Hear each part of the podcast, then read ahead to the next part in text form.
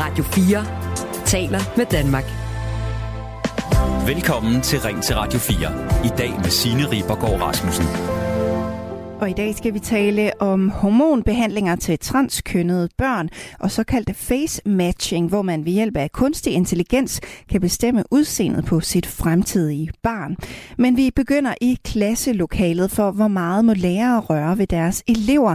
Det er det, vi skal tale om nu, og det bliver altså en mandag i børnenes tegn. Du er sådan en lærer, der rører meget ved eleverne. Det fik Anders Thorsen for nylig at vide af et par elever. Det blev ikke sagt i en anklage beklagende tone, men alligevel så gjorde det ham bekymret, og det fik ham til at frygte at blive beskyldt for at være pædofil.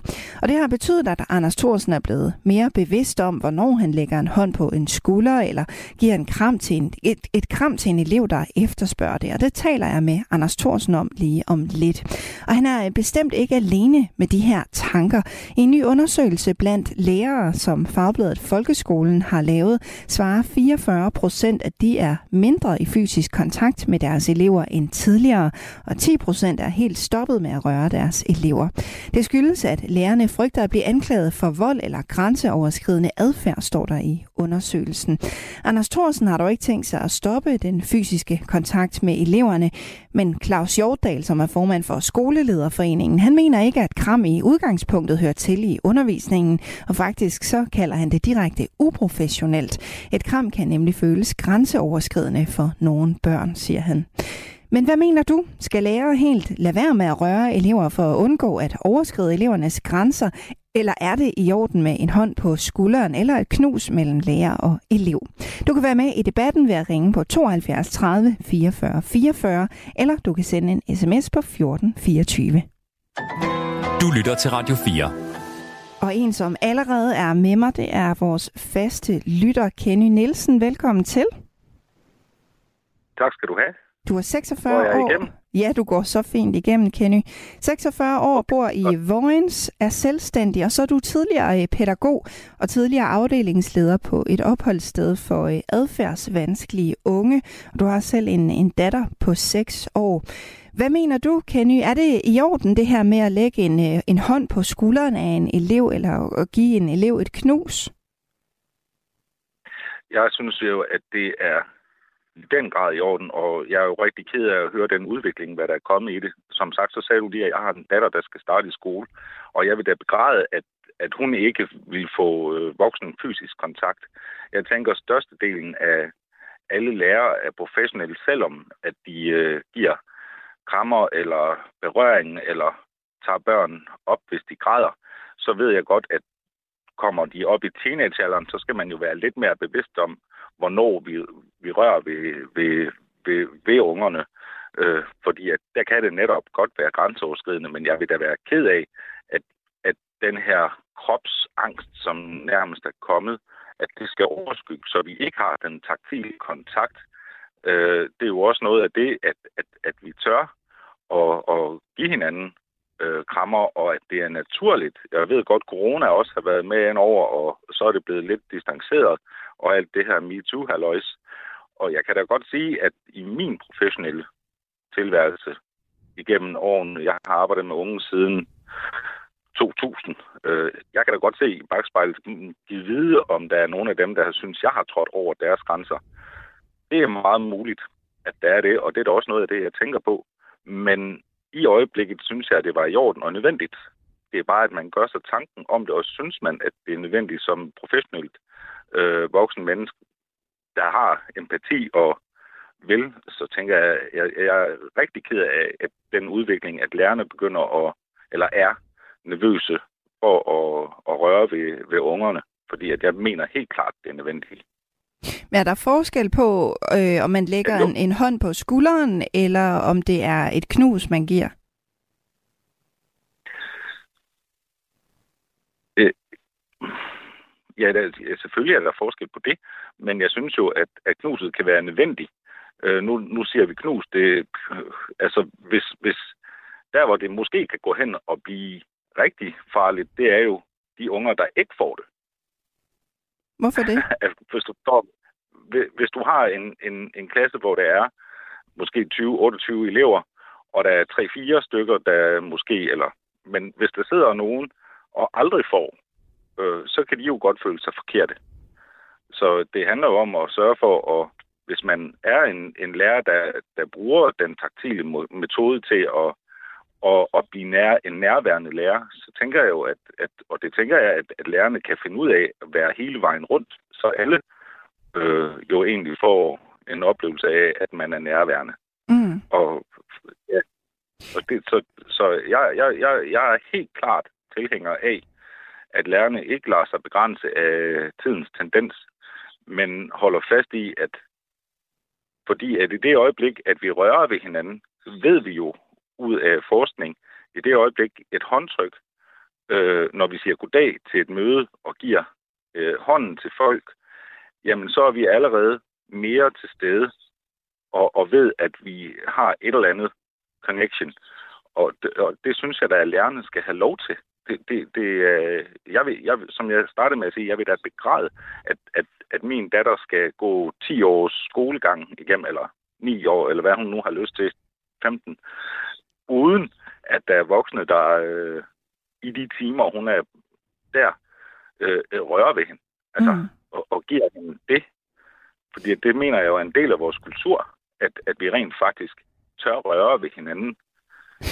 Og Kenny... så ved jeg godt, at der er snakken om pædofile og så videre. Jeg tænker rigtig meget på, at de pædofile, der er derude og søger derhen, de kommer anyways. Mm. Kenny, vi skal altså, tale meget mere om, øh, om det her øh, i løbet af de næste 35 minutters penge, så øh, hæng endelig på. Debatten her, den øh, tager jo udgangspunkt i lærer øh, Anders Thorsens oplevelser og overvejelser. Og nu er du med her i Ring til Radio 4. Velkommen til, Anders. Tak for det. Vil du ikke øh, starte med at fortælle om den her specifikke episode, som fik dig til at reflektere over det her med at røre ved elever?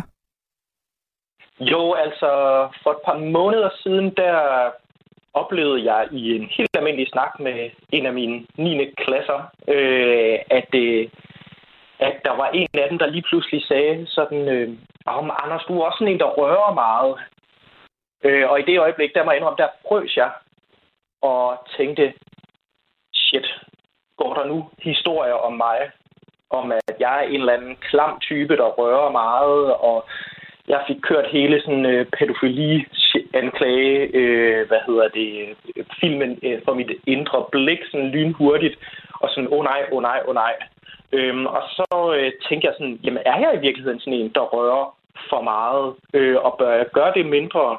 Øhm, og jeg stoppede faktisk med at, med at røre ved elever i et par uger. Det skal så sige, at jeg er fuldstændig tilbage til at røre, som jeg gjorde, øh, gjorde tidligere. Men alligevel er der et eller andet i mig, der sådan har har ændret sig efter den episode. Var det første gang, at du øh, fik de her tanker, eller blev bange for for eksempel at blive beskyldt for at være pædofil?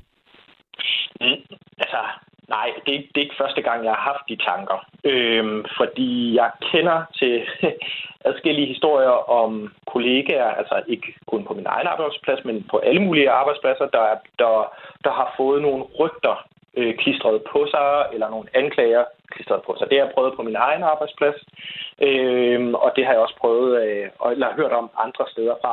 Men det var første gang, hvor jeg sådan rigtig selv tænkte over min egen praksis. Hvad vil, hvad vil du gøre fremover? Altså, du siger, du er helt tilbage, øh, som du var før, men er det med nogle andre tanker i hovedet?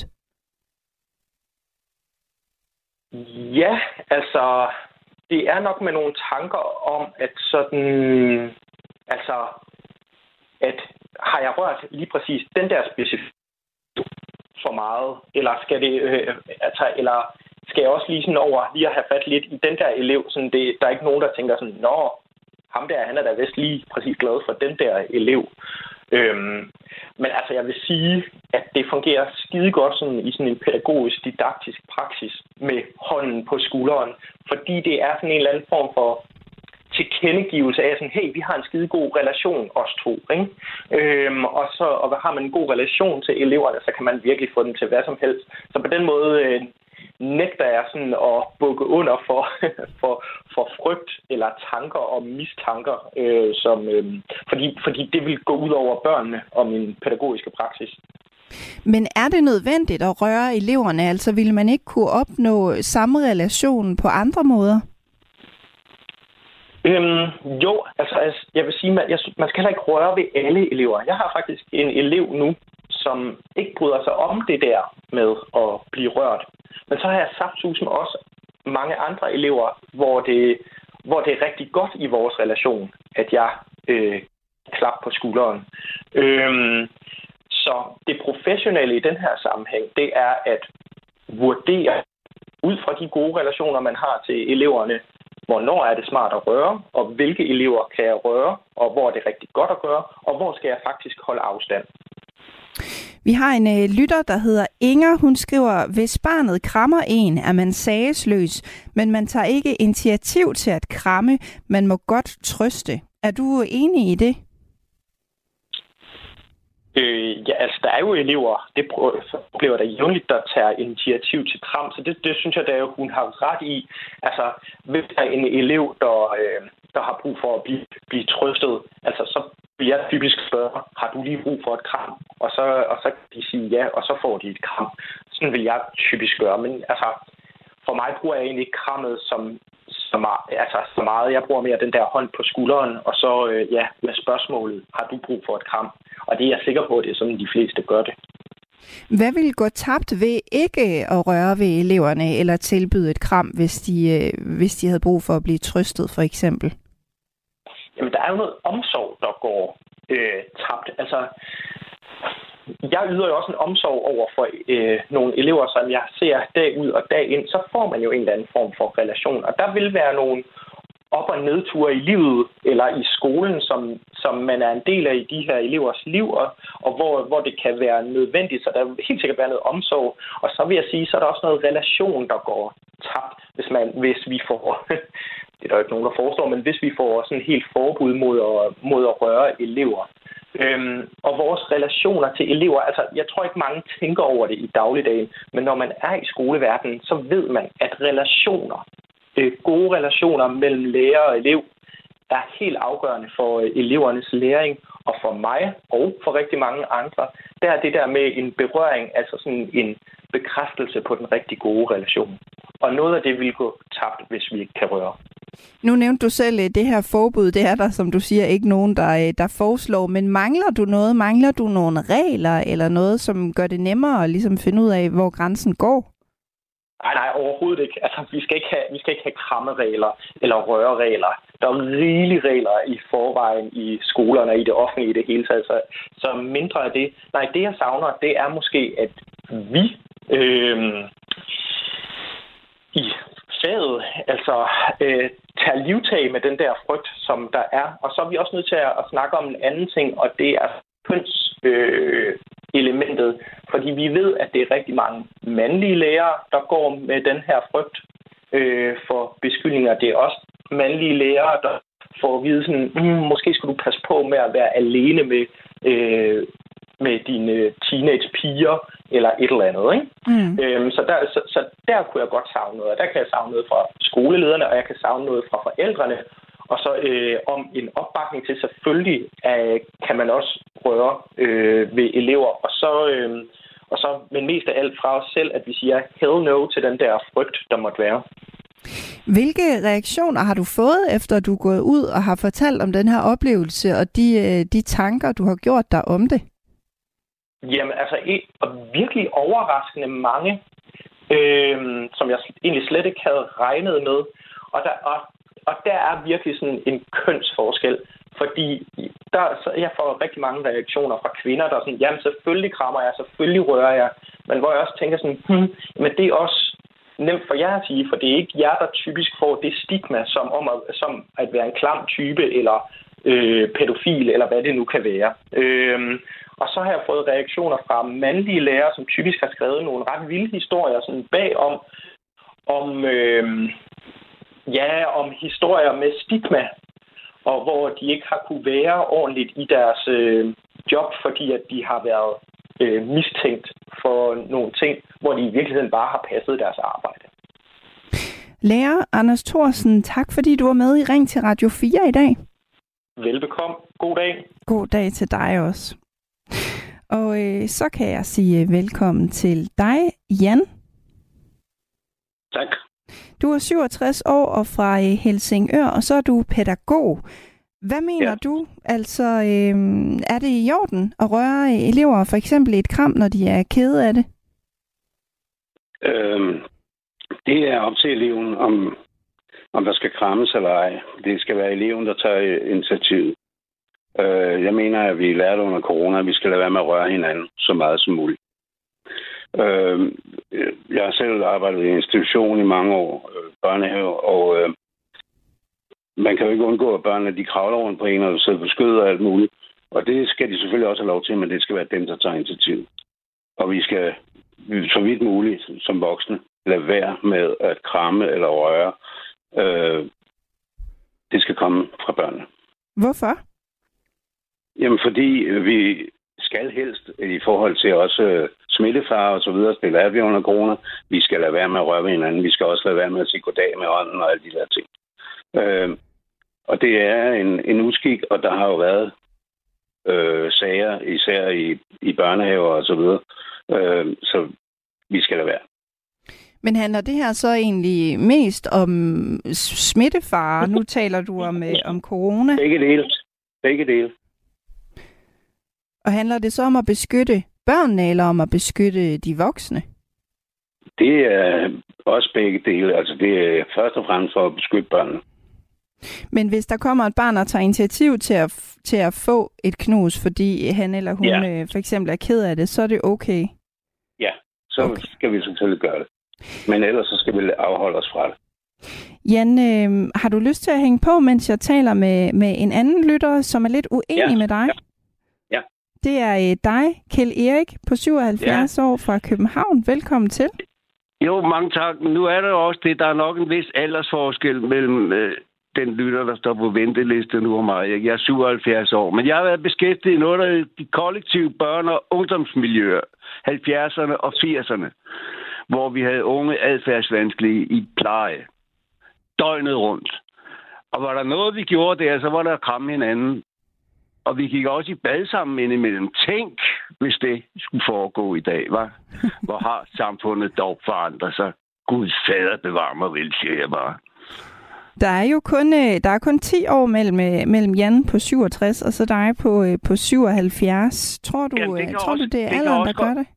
det kan, ja, det tror jeg faktisk, for det der med sartheden, det tror jeg begyndte at komme i slutningen af 80'erne. Du kalder det sartheden? Ja, det er det sarthed, ikke? Det, ved, det kan vi jo lige spørge dig, Jan, om. Er du sart? Øhm, det ved jeg ikke, det tror jeg ikke, men, men øh, jeg tænker på, at der er stor forskel på, hvordan voksne oplever øh, en, en kram, for eksempel, og hvordan børn oplever et kram. Altså, vi, vi ser det hele tiden ud fra den voksne synspunkt. Men børnene har måske en anden oplevelse af tingene. Og det skal vi tænke på. Hvad siger du til, til det, Kjell Erik? Um, nu har jeg ikke erfaring med at have børn i familiepleje. De unge, vi havde i familiepleje, de var skolesøgende. Okay. Det, det, det var ligesom en betingelse.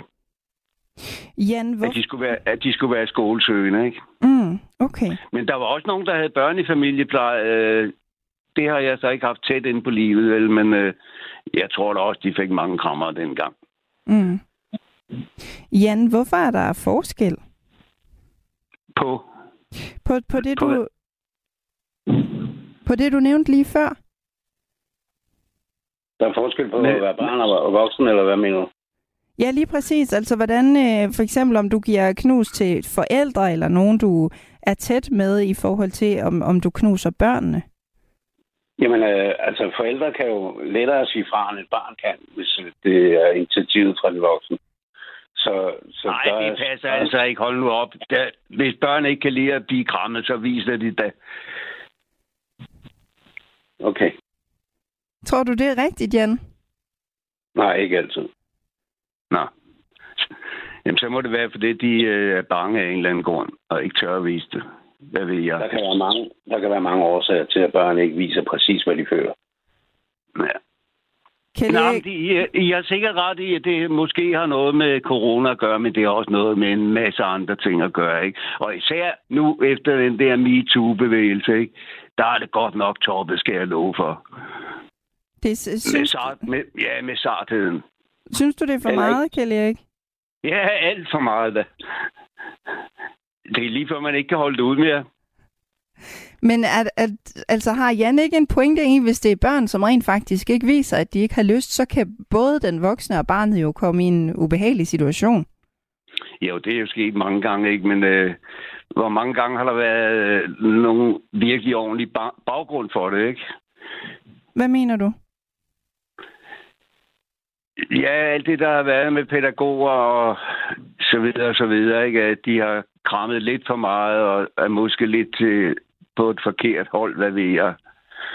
Det har man læst og hørt en del om, ikke? Og vil man som voksen ikke gerne øh, være fri for at kunne, kunne få sådan nogle anklager på sig? Jeg, jeg, jeg synes, det, det går for nemt nogle gange for anklageren. Hvordan det? Uden at, der, jo, uden at der egentlig har været nogen baggrund for det. Det har været gang på gang. Stakkels pædagoger, der ikke havde rørt børnene på den måde, som øh, forældrene mente videre, ikke? Mm. Men kan man så ikke sige, at det her det er både for at beskytte børnene og forældre, eller undskyld ikke forældrene, men de voksne? Det kunne man måske godt.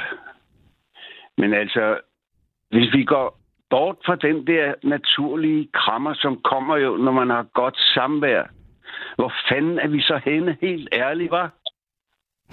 Jeg, øh, jeg vil sige tak til jer begge to, fordi I var med, Velbekomme. Kjell Erik og Jan. Velbekomme. Selv tak.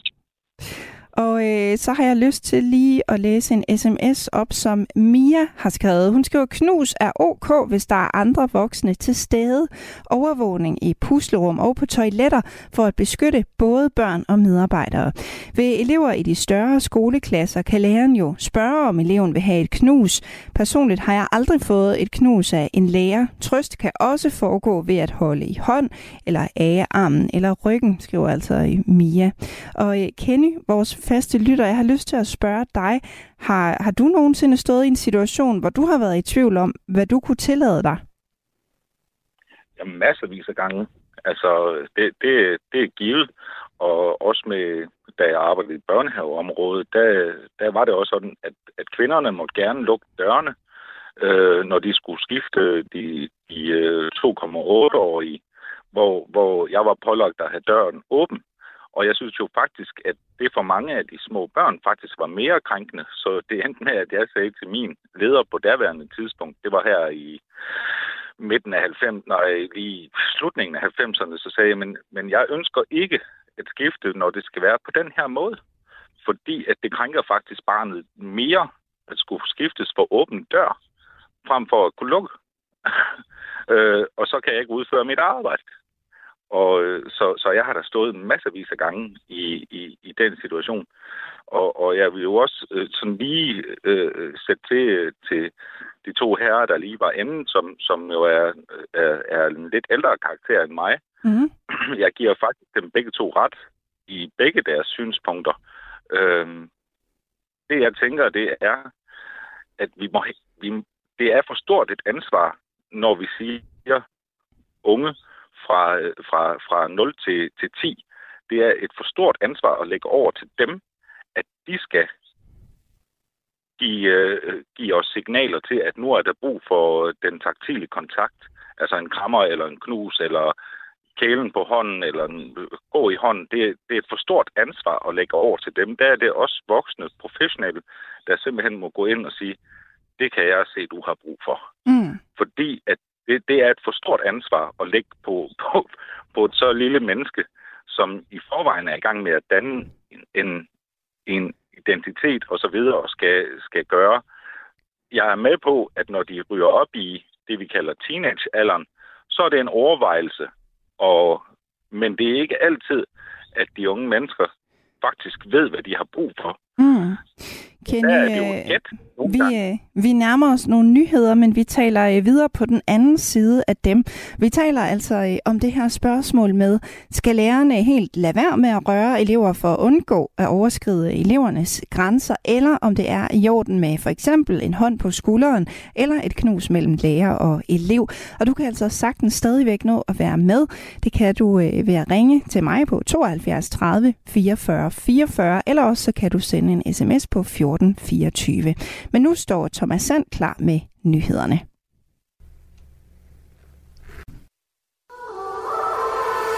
Radio 4 taler med Danmark. Du lytter til Ring til Radio 4. I dag med Signe Ribergaard Rasmussen. Og lige nu taler vi om forholdet mellem lærere og elever, og om lærere må røre ved deres elever eller ej. Lærer Anders Thorsen er nemlig blevet meget bevidst om, hvornår han lægger en hånd på en skulder eller giver et kram til en elev, og det er han altså ikke alene om. En øh, ny undersøgelse blandt øh, folkeskolens lærerpanel svarer 44 procent, at de er mindre i fysisk kontakt med deres elever, end de har været tidligere. Og 10 procent er helt stoppet med at røre deres elever på grund af frygt for at blive anklaget for vold eller grænseoverskridende adfærd. Men Anders Thorsen, han har altså ikke tænkt sig at stoppe med at røre med ved sine elever, men det burde han måske ifølge Claus Hjortdal, der er formand for Skolelederforeningen. Han mener i hvert fald ikke, at kram i udgangspunktet hører til i undervisningen, og faktisk så kalder han det direkte uprofessionelt. Men hvad mener du? Skal lærere helt lade være med at røre deres elever for at undgå at overskride elevernes grænser, eller er det i orden med en hånd på skulderen eller et knus mellem lærer og elev? Du kan være med i debatten debatten ved at ringe på 72 30 44 44. Du kan også sende en sms på 1424. Du lytter til Ring til Radio 4. Claus Hjortdal er altså formand for Skolelederforeningen, og han mener simpelthen, det er upassende, hvis en lærer giver sin elev et knus. Jeg talte med ham øh, lidt tidligere på morgenen, og jeg startede med at spørge, hvorfor man som lærer helt skal lade være med at røre ved sine elever.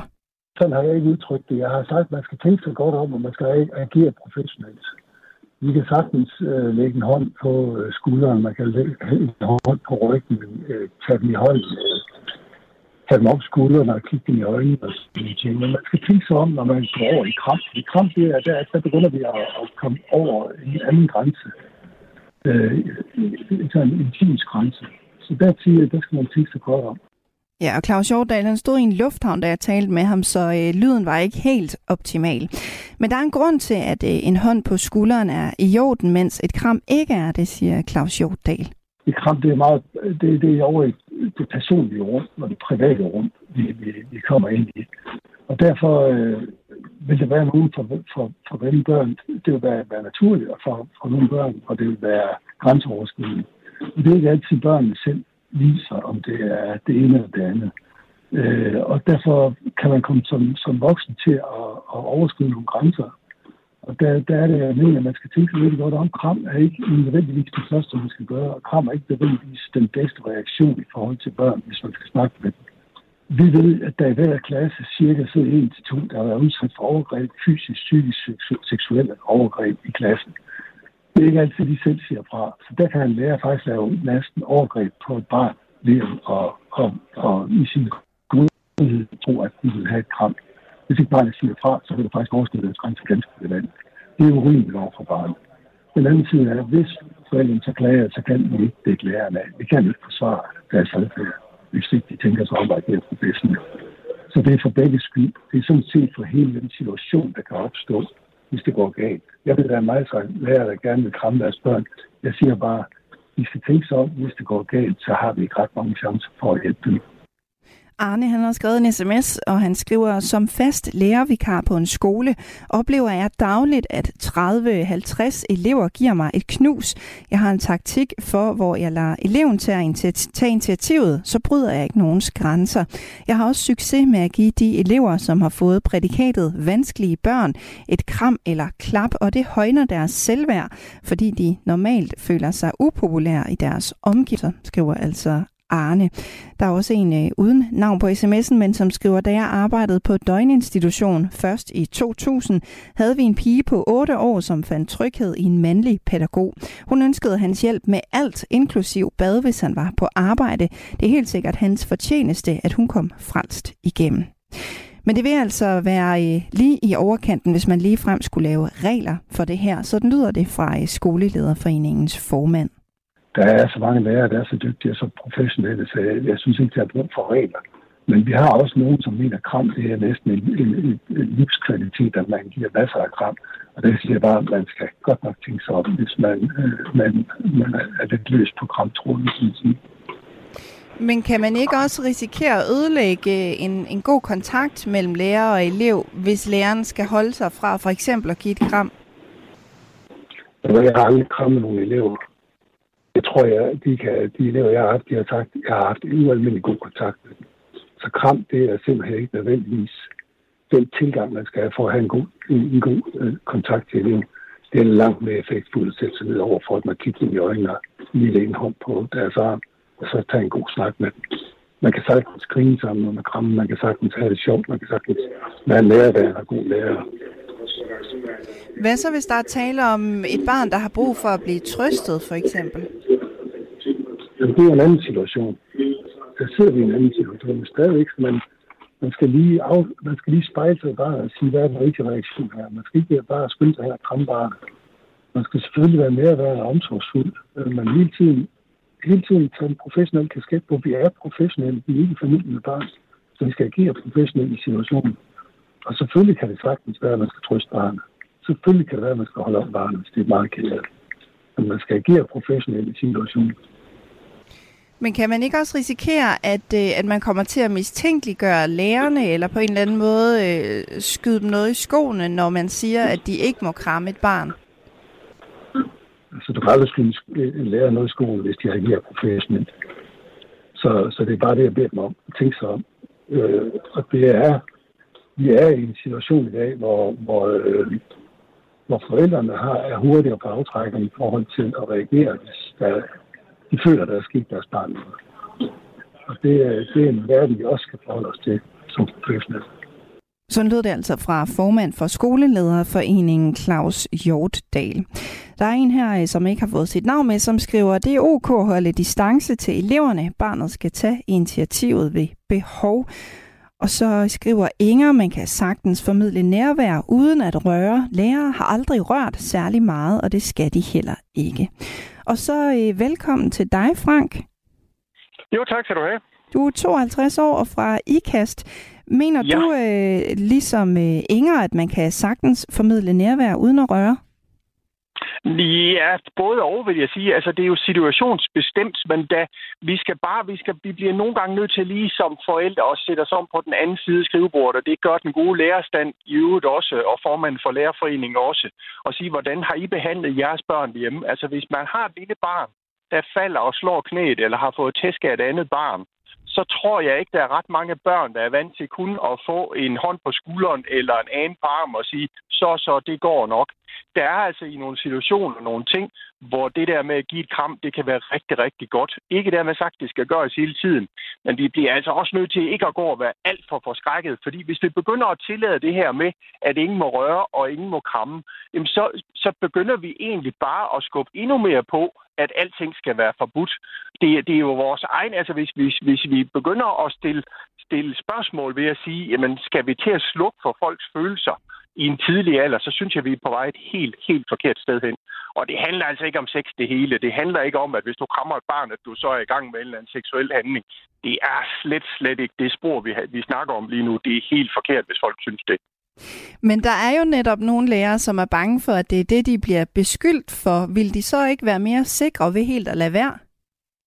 Jo, jeg kan sagtens forstå, at der er nogle lærere, der er bange, og jeg kan sagtens forstå det, fordi man hører, det, man hører altid de slemme historier i medierne, og jeg kan sagtens forstå, at der sidder nogle skoleledere, der kan være bekymret for at sige, at sådan nogle sager skal vi ikke have i vores skole. Men vi bliver altså også bare nødt til at sige, at hvis vi slukker for alt det her, så vil vi få nogle børn, der handler fuldstændig forkert, fordi så er de slet ikke uddannet i, at man også gerne må give en ven krammer, hvis de slår sig. For hvis børnene også begynder på det her, så er der lige pludselig ikke nogen i det her skønne lille land, der kommer til at få trøst. Det synes jeg simpelthen er forkert. Jeg synes, at man skal i skolerne tage dialog med forældrene, hvis det bliver nødvendigt. Helt ned i indskoling fortælle forældrene, prøv at høre, her i vores skole eller børnehave, der giver vi en krammer, hvis det er nødvendigt, altså hvis barnet er ked af det. Ellers, hvis det bare er barn, der har behov for en krammer, så vil vi gerne bare nusse dem på armen eller sige hej.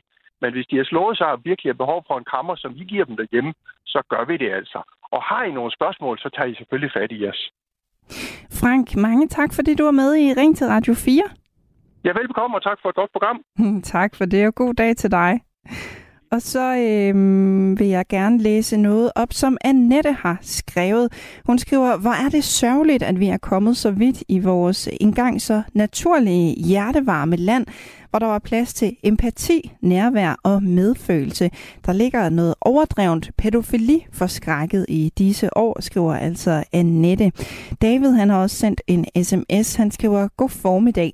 Hvor bliver det bare mere og mere koldt at være menneske, hvis ikke man kan vise og give omsorg og tryghed hvis ikke man må have et tæt forhold, uden at folk tror på, at der er forfærdelige og skræmmende intentioner bag. Så stakkels elever, der ikke må få den, og stakkels lærere og pædagoger, der ikke må give den, skriver altså David. Kenny Nielsen, vores faste lytter, jeg vil sige øh, tak, fordi du var med i Ring til Radio 4 i dag. Tak. Og så vil jeg lige til allersidst nå at sige velkommen til dig, Ibrahim på 28 fra København. Du er også pædagog. Hvad mener du, er det øh, i orden at, øh, at kramme løs, eller hvor går grænsen? Jeg vil sige, grænsen går der, hvor barnet sætter grænsen. Så som udgangspunkt, som, så skal man som fagperson, som lærer eller pædagog, tage udgangspunkt i, hvilket hjem kommer det her barn fra, hvilken kulturelle baggrund har det her barn, Kommer det fra et hjem, hvor man bare krammer løs, okay, og det er fint, der er en accept? Eller kommer barnet fra et hjem, hvor man ikke krammer fremmede mennesker, eller for det modsatte køn, så sætter så grænsen der ikke. Er det så noget, man skal have en samtale med forældrene om, så man ved, hvor de står? Hvis det er, at man har mulighed for det, så inkluderer forældrene i, øh, i, i samarbejdet. Men man spørger gerne ind til øh, barnet. Barnet ved allerede, øh, hvilke kulturelle normer det kommer fra, hvilke traditioner man har derhjemme, og hvilke normer og skikkelser der er derhjemme. Øh, og så ud fra det, så, så, så reagerer som, øh, som, fagpro, øh, som fagperson. Men er det ikke et stort ansvar at lægge på børnene? Altså, som udgangspunkt, så er børn naturlige. De har alle øh, en, en naturlig grænse, som, øh, som, som, som de er født med. Øh, og så bliver de bare enten forstærket eller øh, reduceret ud fra de miljøer, de er i. Så som udgangspunkt, hvis man har kontakt til barnet, så er det barnet, man tager udgangspunkt i. Hvis man har mulighed og tid til at inkludere forældrene og, og gøre sig mere klogere på, på, på, på hvad hedder det, barnets kultur og barnets baggrund, så gør det gerne. Ibrahim, tak fordi du var øh, nået at være med her i Ring til Radio 4. Selvfølgelig. God dag. Michael han skriver, jeg opfordrer mine børn til at sige tak for i dag og give en krammer til en pædagog. Den ene dag er det en kvinde, den anden en mand, og den anden dag en hen. Mine børn vælger selv, de krammer selv dem, som de har haft en god dag med. Jeg krammede min matematiklærer mange gange, og han havde ikke en fysisk interesse i mig. Jeg havde brug for et kram en gang imellem, skriver altså Michael. Du skal lytte til Overskud, fordi du bliver klogere på din egen økonomi. Vært Sofie Østergaard hjælper dig med at få mest muligt ud af dine penge. Jeg tror nærmest ikke, det har været vigtigere at gå op i sin økonomi, end det er lige nu. Derfor får du de bedste råd fra vidne gæster og eksperter i Overskud på Radio 4. Selv den mindste økonomi, der kan man altså finde en lille bitte smule at rykke rundt på. Lyt til Overskud i morgen kl. 13.05. Mine tre bedste råd, det er gør det, gør noget og gør det nu. Radio 4 taler med Danmark. Intet barn er født i en forkert krop, og intet barn skal udsættes for håbløse forsøg på kønsskifte, hverken kemisk, kirurgisk eller juridisk. Sådan skriver Morten Messerschmidt, Mette Thiesen og Peter Kofod fra Dansk Folkeparti i en kronik i Jyllandsposten. Og på folkemødet, der valgte Morten Messerschmidt også at tage den her problematik med kønsskifte blandt børn og unge op. Lad os lige høre en bid af, hvad han sagde på folkemødet. For mig og Dansk Folkeparti handler det her om retten til at udvikle sig selv og ikke blive pæset ind i en ofte forskruet tanke om, at hvis man bare får det indgreb, så bliver verden meget bedre. Et hvert barn eller ung menneske, som bliver udsat for medicinske eksperimenter i et forvrænget frisindstjeneste, er et offer for meget. Ja, som du kan høre, så er Dansk Folkeparti meget skeptiske over for den medicinske hormonbehandling, der bliver tilbudt til børn og unge herhjemme, som gerne vil skifte køn. Og af den grund vil Dansk Folkeparti gerne have, at børnene og forældrene skal tilbydes mere psykologisk hjælp, end de i forvejen gør, sådan så børnene ikke kommer i en hormonbehandling, som de senere vil komme til at fortryde. Og det her er det, vi skal diskutere nu. Altså om børn og unge, der gerne vil skifte køn, skal tilbydes psykologhjælp i stedet for hormoner. Som det er lige nu, der henvises børn, som gerne vil skifte køn til seksologisk klinik på Psykiatrisk Center i København. Og hvis barnet ikke er i puberteten endnu, så bliver der tilbudt rådgivning til familien. De børn og unge, der kommer på seksologisk klinik, er mellem 10 og 18 år. Som ung, der kan man enten få stophormon, som skal ordineres lige efter puberteten er gået i gang, og som stopper puberteten, eller også så kan man få det modsatte kønshormon af det køn, man blev tildelt ved fødslen.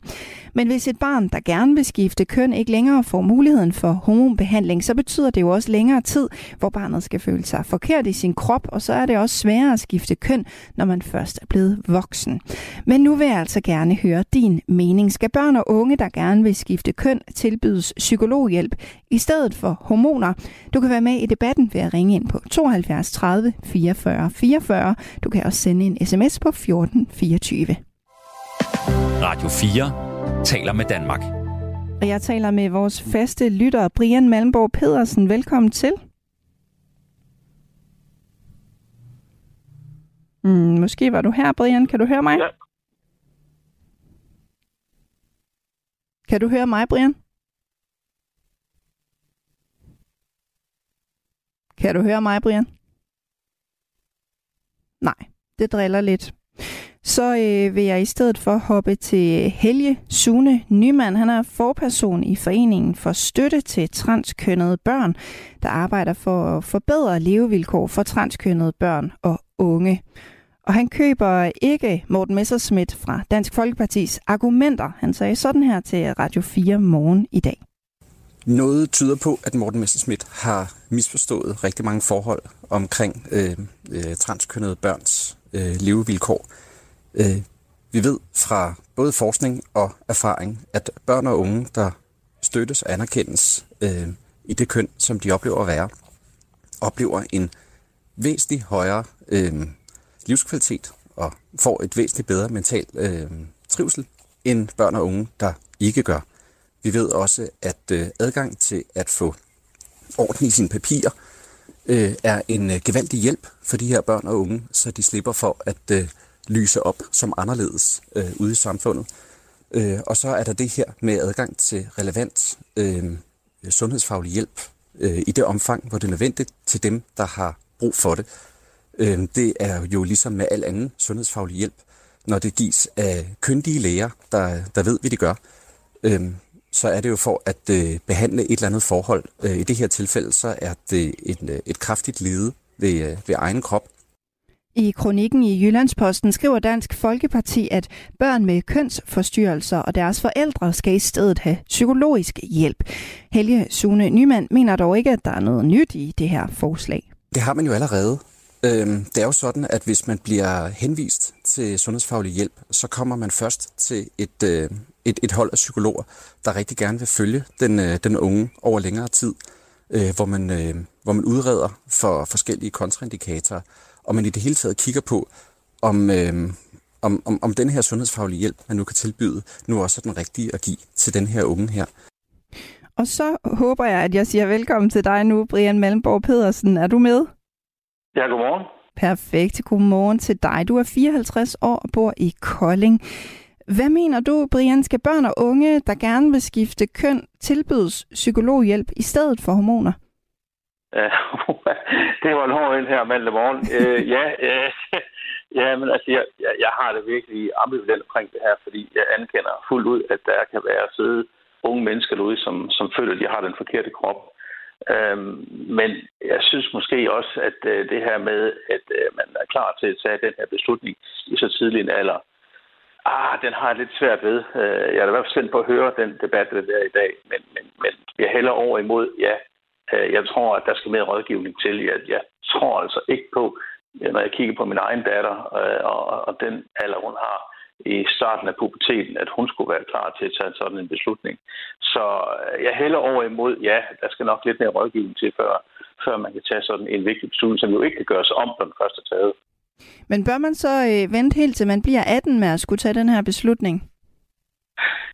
jeg anerkender også, at, at unge mennesker i dag er nok lidt mere modne, end jeg selv var, dengang jeg var de der 12, 13, 14 år. Så jeg er åben for en i hvert fald diskussion omkring, at man kan tage den beslutning tidligere. Men som det er i dag, så er man jo myndig som 18-årig, og man, man øh, kan først øh, stemme til Folketinget, som man er 18, og tage sin egen beslutning og, og lave en juridisk bindende øh, hvad hedder det, underskrift. Så indtil videre, når det ikke er anderledes, så må, må, må grænsen jo være 18 år. Men er, der ikke, øh, er det ikke også lidt ærgerligt det her med, hvis man skal vente til man er voksen, så er det sværere at skifte køn, fordi der er puberteten overstået? Ja, det er også derfor, jeg siger, at jeg er også åben for den diskussion, fordi at det kan godt være, at, øh, at de unge mennesker er mere modne i dag, end de var måske fra, fra uh, i, i, i min generation, kan man sige. Så, men jeg synes, det er en svær diskussion.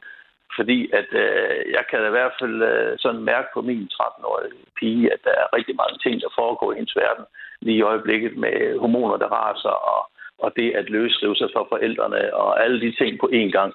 Jeg synes, at samtidig skal til at tage stilling til sådan noget vigtigt som det her, som faktisk er indflydelse på resten af ens liv. Så skal i hvert fald, man skal tænke sig rigtig godt om, tror jeg, før man, man, man tillader øh, i hvert fald ned til en vis alder at kunne tage den her beslutning.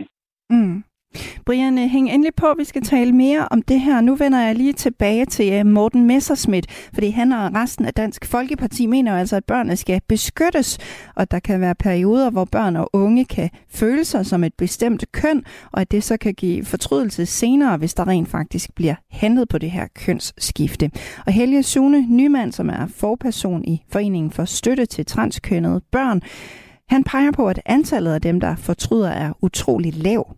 Det er jo også derfor, at man jo ikke starter med en, øh, en, en behandling af de her børn og unge. Det er jo kun et stykke under 10 procent af dem, der opsøger sundhedsfaglig hjælp, der ender med at øh, opnå den. Øh, hvor lægerne vurderer øh, for mange af de andre, at deres kønslivbehag øh, ikke er stort nok til, at de vil i gang sætte en behandling. Øh, det betyder ikke, at det ikke kan være, at øh, barnet har brug for behandling øh, øh, nu eller senere, men man, øh, man vurderer, at det er ikke stort nok til at igangsætte en behandling øh, af samme frygt, som, øh, som Morten Messerschmidt har der. Øh, det er meget, meget få øh, mennesker, der fortryder, øh, at de, øh, de opsøgte den her behandling her. Øh, det, det tal, vi ser øh, igen og igen i, øh, i, i undersøgelser rundt omkring i, i øh, i verden øh, er om, omtrent 1% øh, for øh, sundhedsfaglige øh, tilbud, der, der, der ligner vores. Øh, så tænk en gang, man har et, et, øh, et, et sted i sundhedsvæsenet, hvor 99% af dem, der opsøger sundhedsfaglig hjælp og får den, de faktisk ender med at være tilfredse med den. Det er, det er helt uhørt godt. Sådan sagde altså Helge Sune Nymand, der er forperson i Foreningen for Støtte til Transkønnede Børn, der arbejder for at forbedre levevilkår for transkønnede børn og unge. Kenneth fra Amager, han skriver, at man giver børn lov til at bestemme en så stor beslutning, som ikke kan ændres, er tragisk. De må ikke ryge eller stemme og tror stadigvæk på julemanden. Morten, han skriver, at sige, at man er blevet tildelt et køn, er jo skrub forkert. Man er født, noget ikke, født som noget ikke tildelt. Noget andet er, at der ikke kan findes kvindelig biologi i hjernen på en mand, så føler man sig som et andet køn, er der per definition, definition tale om indbildning.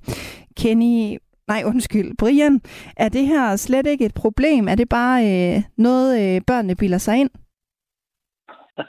Nej, jeg, jeg, det er svært. Jeg tror ikke, det er noget, de bilder sig ind. Øh, men, men, men jeg har det bare stadigvæk svært ved øh, det her med, at det er noget, man i så ung en alder øh, skulle have indsigt i, øh, eller, eller øh, at, at det her en følelse, eller noget, man bliver påvirke den omgangsfase, man går i. Jeg vil så bare sige, at det er forældrene, der, der måske presser på, eller hvad er det, der, der gør, at, at, at de tænker de her tanker her. Det er derfor, jeg selvvæk hælder over imod, at, at øh, man i hvert fald skal tænke sig rigtig godt om, hvis vi taler børn lidt til, til før puberteten i hvert fald. Jeg tror i hvert fald, at man skal over 15 år, før man er moden nok til at kunne tage så drastiske beslutninger, og, og, og derfor er jeg enig med, med, med flere af dem, der skriver ind, at, at det, er en, det er for mig i hvert fald en farlig glidebane Øh, men men øh, jeg har da også kendskab til, til, til nogen, der har taget det her valg her og, og har det godt med det, men de har altså gjort det i, i en moden alder i stedet for. Du sagde jo selv, hvis det var din øh, datter på 13 år, så ville du være i, i tvivl om, om hun var stand til at tage den beslutning. Vil det give mening for dig, at hun skulle vente til hun blev 18? Øh, en, 18 er jo, er jo øh, den alder, man har lige nu. Og, og, og jeg vil måske godt øh, kunne acceptere, at man, den blev sænket til, til, til et lavere niveau. Men ja, som udgangspunkt, så mener jeg ikke, at hun som 13-årig eller 12-årig for den sags skyld er, er, er klar til at tage så vigtig en beslutning. Og øh, det taler vi altså mere om. Der er kommet nogle øh, sms'er, en som skriver, det er absurd, at børn overhovedet har ret til at skifte køn. Gud har givet os den krop, vi skal. Vi skal have, alle mennesker får en idé om, at man er forkert. Dette er et tegn på helt almindelig identitetskrise og helt normalt til 30 års alderen. Stop det, er der altså en, der skriver. Der er også kommet en øh, uh, sms fra Arne. Han skriver, at det største problem ved dette emne, det er, at man får børn til at tvivle om deres køn. Det er en kendt psykologisk faktor, at flere valgmuligheder i sig selv skaber tvivl og forvirring. Sådan skriver altså Arne. Nu er der ikke så lang tid til, vi skal have en omgang nyheder, men øh, efter de fem minutter, så skal vi altså tale videre om denne her debat. Spørgsmålet i dag, det lyder, skal børn og unge, der gerne vil skifte køn, tilbydes psykologhjælp i stedet for at få tilbudt hormoner? Du kan som altid være med i debatten. Det kan du ved at ringe ind på 72 30 44 44. Det kan du også, hvis du sender en sms ind på 1424, og så tales vi ved efter nyhederne. Radio 4 taler med Danmark. Velkommen til Ring til Radio 4. I dag med Signe Ribergaard Rasmussen. Og lige nu taler vi om, om vi skal droppe hormonbehandling til børn og unge, der gerne vil skifte køn. Det mener Dansk Folkeparti nemlig. Og på folkemødet, der valgte partiets formand Morten Messersmith også at tage den her problematik med kønsskifte blandt børn og unge op. For mig og Dansk Folkeparti handler det her om retten til at udvikle sig selv, og ikke blive pæset ind i en ofte forskruet tanke om, at hvis man bare får det indgreb, så bliver verden meget bedre. Et hvert barn eller ung menneske, som bliver udsat for medicinske eksperimenter i et forvrænget frisindstjeneste, er et offer for meget. Ja, men hvad mener du om det her? Skal børn og unge, der gerne vil skifte køn, tilbydes mere psykologhjælp i stedet for hormoner? Du kan være med i debatten ved at ringe på 72 30 44 44 eller sende en sms på 1424. Og så vil jeg sige øh, velkommen til dig, Susanne. Jamen, hej. hej, velkommen til. Du er fra øh, Nordsjælland. Hvad mener ja. du, skal vi øh, tilbyde mere psykologhjælp i stedet for hormoner til, til børn og unge, som øh, gerne vil skifte køn? Øh, jeg mener bestemt, at man skal give terapi først. Øh, jeg arbejder rigtig meget med børn og unge, og øh, vi har jo i altid vidst, at det her med at være tilfreds med sin krop som ung kan være vanskeligt.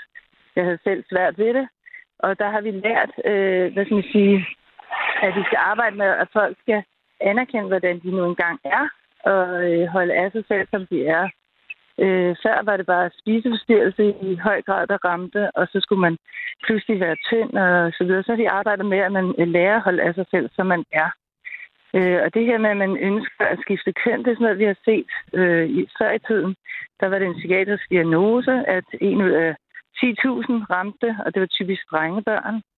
Og i dag ser vi, at det rammer øh, piger i høj grad, særligt piger med angst og depression, og faktisk også særligt er der alarmeret i øh, autistekredse, at man ser, at det rammer den gruppe af øh, milde autister, altså Asperger, som ligger imellem tung autisme og, øh, hvad skal man sige, og øh, andre, som måske ikke har diagnoser, de føler ikke rigtig, at de hører til en lejr.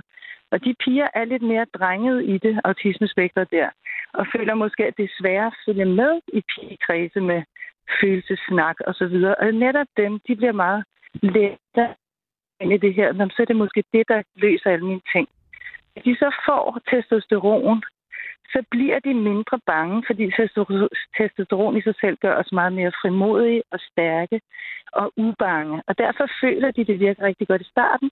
Men så kommer konsekvenserne, hvis vi ændrer køn.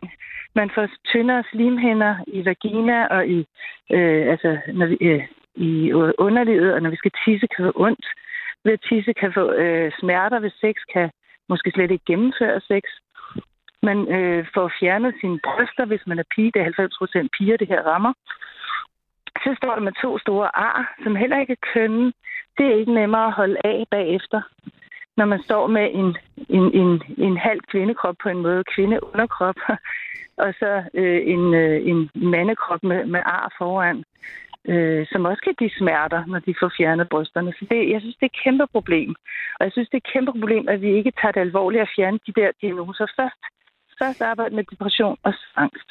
Men tror du, at der er mange børn og unge, som kæmper med nogle ting og tænker, øh, jamen jeg kan da lige skifte køn, så får jeg det nok bedre? Ja, ja fordi det er jo det, de ligesom... Jeg ser, jeg sidder med autistbørn. Øh, jeg arbejder som psykoterapeut selv, og jeg sidder med autistbørn, som fortæller, at de kommer ind i en klasse, og så er der øh, sådan en stemning af, at det er sejt. Altså det her så specialskoler særligt, det rammer jo, fordi det er autismespektret, der primært bliver ramt. Så ser der er sådan en stemning af, ej, hvor du sej, at du ved det. Og så bliver det pludselig lidt hipt. Det er lidt hipt lige nu med transkønnethed. Øh, alle mulige, der har vundet priser her på det senere, har jo været transkønnede kvinder. Øh, eller ja, transkønnede, som, som vinder priser for at være bedst øh, smukkest i verden, eller bedst til alt muligt sport og så. Så det er lidt hype lige nu. Og den stemning gør, at det smitter som en ildebrand. Så fra at have set øh, 1 ud af 10.000, der har det her problem, og det typisk er drengebørn i 2-4 års alderen, hvor man ved, at det her retter sig med 70% sikkerhed i løbet af deres ungdom, øh, og resten er typisk så homoseksuelle. Men, men øh, det, vi ser i dag, det er, at det har, det har steget med 4.000 procent i visse områder, særligt i, øh, i USA, og det rammer pigerne, som så tror, at de skal være drenge, og så får de øh, en umiddelbar bedring, når de får det her testosteron, fordi de bliver så meget mere, øh, hvad skal man sige, øh, maskulin i energi, eller hvad man skal sige, så de føler sig mindre bange.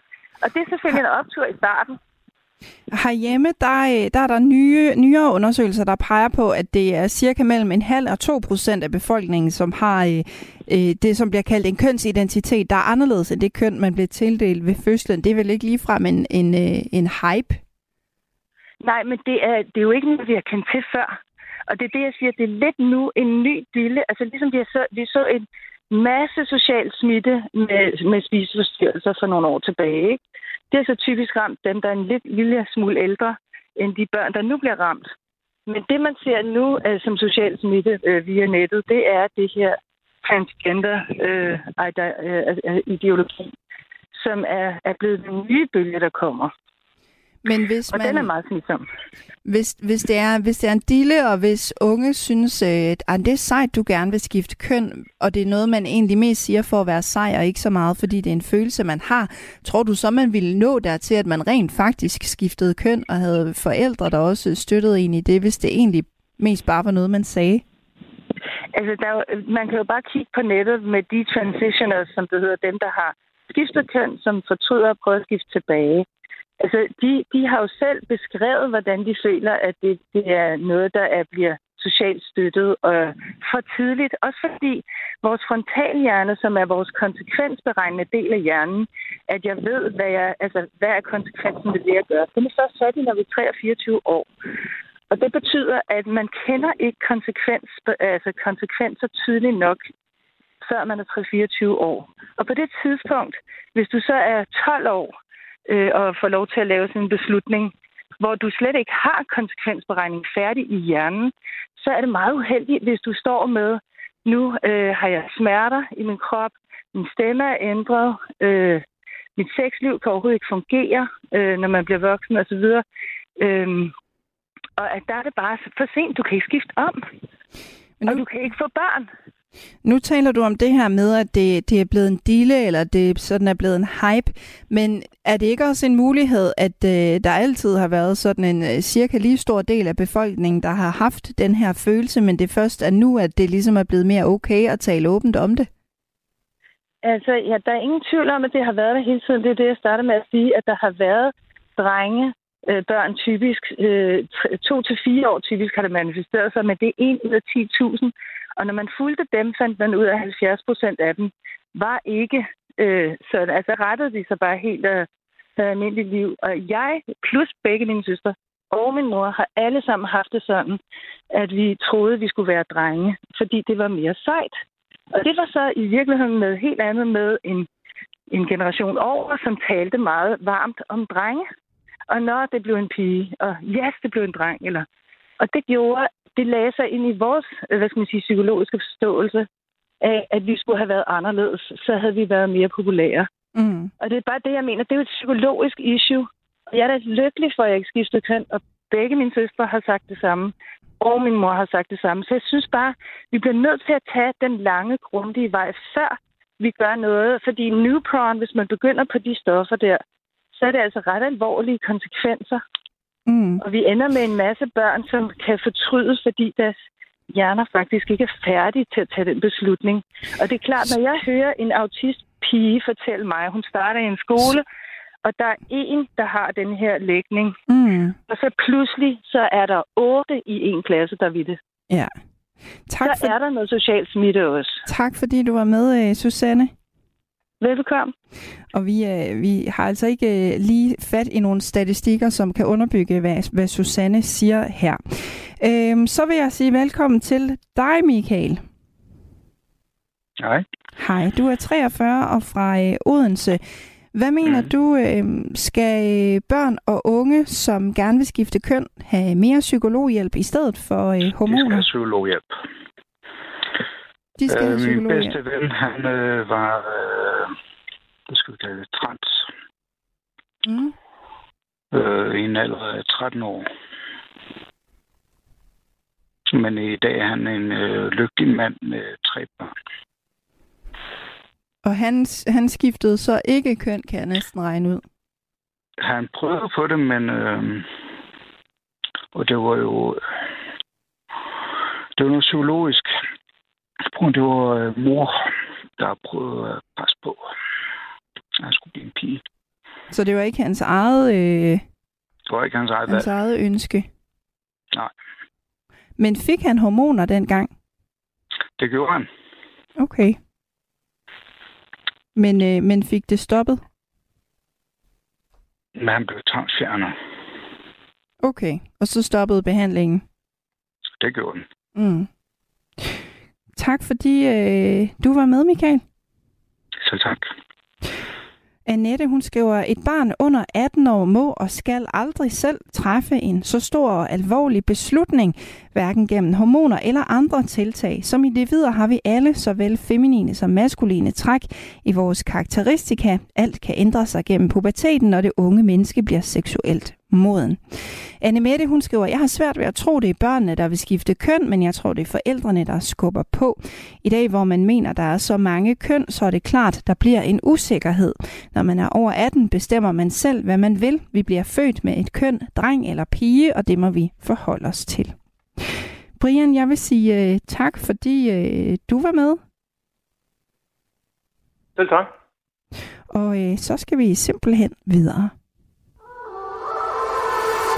På Radio 4 får du hver dag nyt fra dansk politik. Der er altså ikke ret mange mennesker, for hvem selve store bededag mm. betyder noget. Vi nuancerer det politiske landskab. Man kører fuldstændig hen over den danske model. Og giver fløjene en plads i debatten. Du vil gerne have, at vi ikke skal tage ansvaret for noget, fordi vi skal sende det til folkeafstemning. Nej, jeg synes faktisk ikke, det er ikke at tage ansvar og sende ting til folkeafstemning, Jens. Overhovedet. Lyt med alle hverdage kl. 11.05.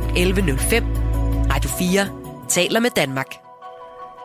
Det er efterhånden velkendt, at man kan vælge en sæddonor ud fra hårfarve, øjenfarve og etnicitet, men nu er det faktisk muligt at gå skridtet videre. Det er nemlig, der er nemlig blevet lanceret en teknologi, der kan finde en donor til dig, der ligner Brad Pitt, Angelina Jolie, dig selv, eller hvem du nu finder attraktiv.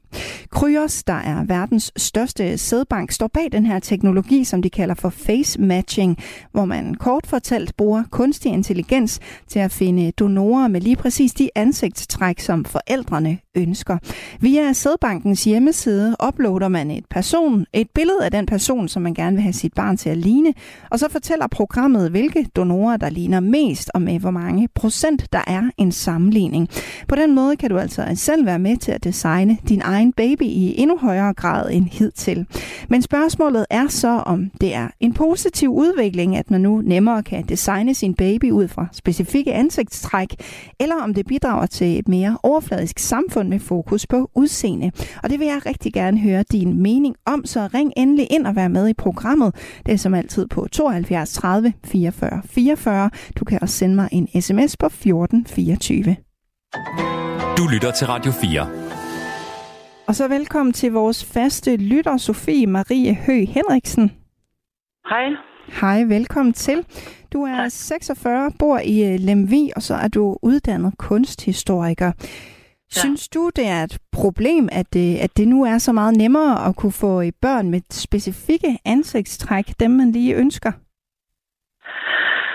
Øhm, jeg kan ikke lige se, at det bliver nemmere, bare fordi man kan billedmatche, fordi man har jo før kunnet øh, vælge sæddoner ud fra allerede billedet. Så nu er det bare et digitalt redskab til at finde det billede, man synes selv passer. Før valgte man bare ved at se på billederne. Mm.